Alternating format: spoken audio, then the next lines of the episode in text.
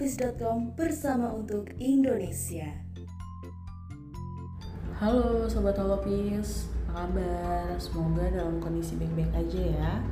Seperti biasa nih, saya akan menginformasikan rangkuman berita yang bisa kalian baca selengkapnya di holopis.com.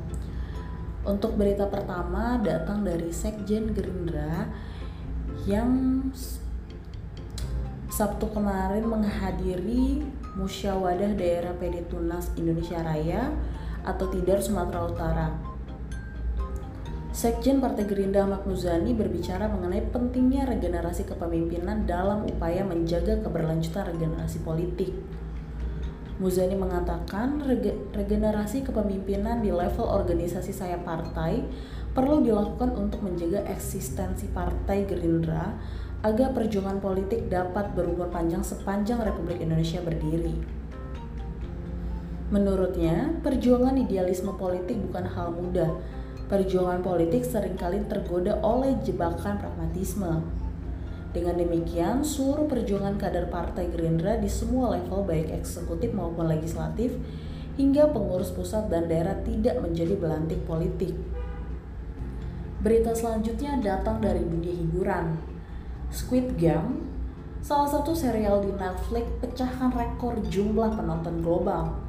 Drama Korea Squid Game telah memenangkan rekor jumlah penonton secara global saat pertama kali tayang pada 17 September 2021 kemarin dan drama Korea tersebut langsung berhasil menduduki posisi teratas Netflix di 82 negara.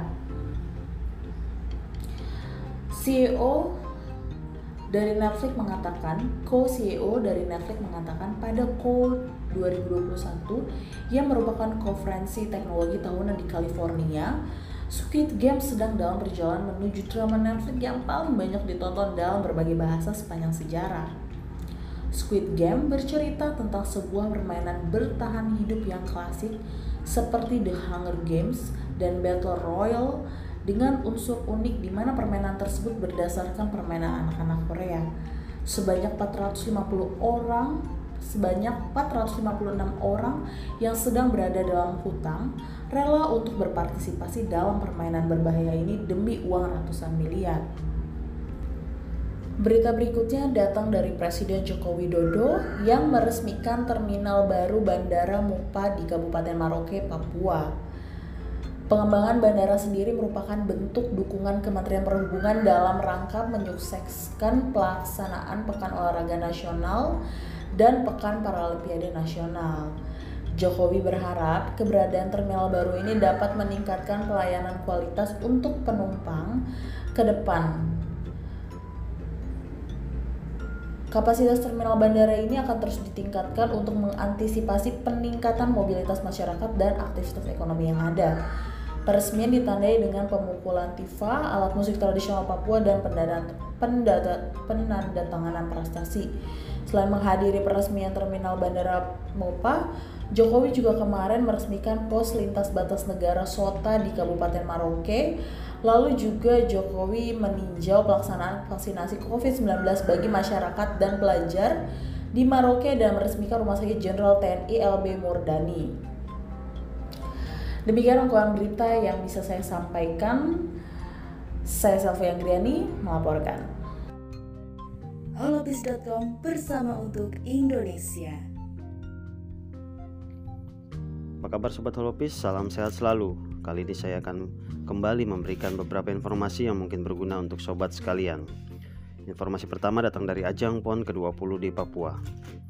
Menurut Ganip Warsito sebagai Ketua Satgas Penanganan COVID-19 Nasional mengingatkan agar protokol kesehatan dilaksanakan dengan lebih ketat pada cabang olahraga sepak bola. Pasalnya, cabang sepak bola banyak menarik perhatian masyarakat. Berdasarkan peninjauan, banyak penonton yang datang ke stadion, terutama pada saat pertandingan sepak bola putra. Ganip menyebut, apabila tim tuan rumah bermain, potensi penonton akan lebih banyak lagi. Ganip meminta kepada pihak penyelenggara agar melakukan pengetatan disiplin prokes terutama di gelaran sepak bola di Stadion Mandala Jayapura termasuk terkait dengan jumlah penonton yang diizinkan hanya sebesar 25% dari kapasitas stadion. Informasi selanjutnya datang dari dunia internasional di mana Presiden Filipina Rodrigo Duterte mengumumkan bahwa dirinya akan pensiun dari politik.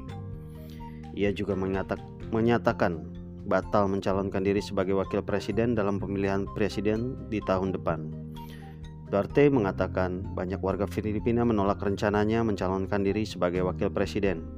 Hal tersebut ia ketahui lewat sejumlah survei dan forum publik dalam beberapa waktu terakhir. Diketahui di mana Presiden Filipina itu dibatasi dengan konstitusi untuk menjabat satu periode dengan masa jabatan enam tahun dan hal itu membuat Rodrigo tidak bisa lagi mencalonkan diri di periode kedua karena bertentangan dengan konstitusi negara. Selanjutnya, setelah beberapa saat atau beberapa lama ditunda, akhirnya kelanjutan kisah James Bond dilanjutkan dalam film terbarunya dengan judul No Time to Die. No Time to Die. Baru saja dirilis, film yang dibintangi oleh Daniel Craig tersebut telah berhasil meraup keuntungan sebesar 4,5 sampai 5 juta euro atau sekitar 96 miliar rupiah. Munculnya film ini di bioskop dan dengan keuntungannya besar seolah menjadi babak baru dalam dunia perfilman yang sebelumnya sempat mundur karena pandemi COVID-19. Dan kabar baiknya, No Time to Die saat ini sudah bisa disaksikan di bioskop Indonesia kesayangan Anda. Demikianlah beberapa informasi yang dapat uh, saya sampaikan bersama saya Ronald Petrus holopis.com bersama untuk Indonesia.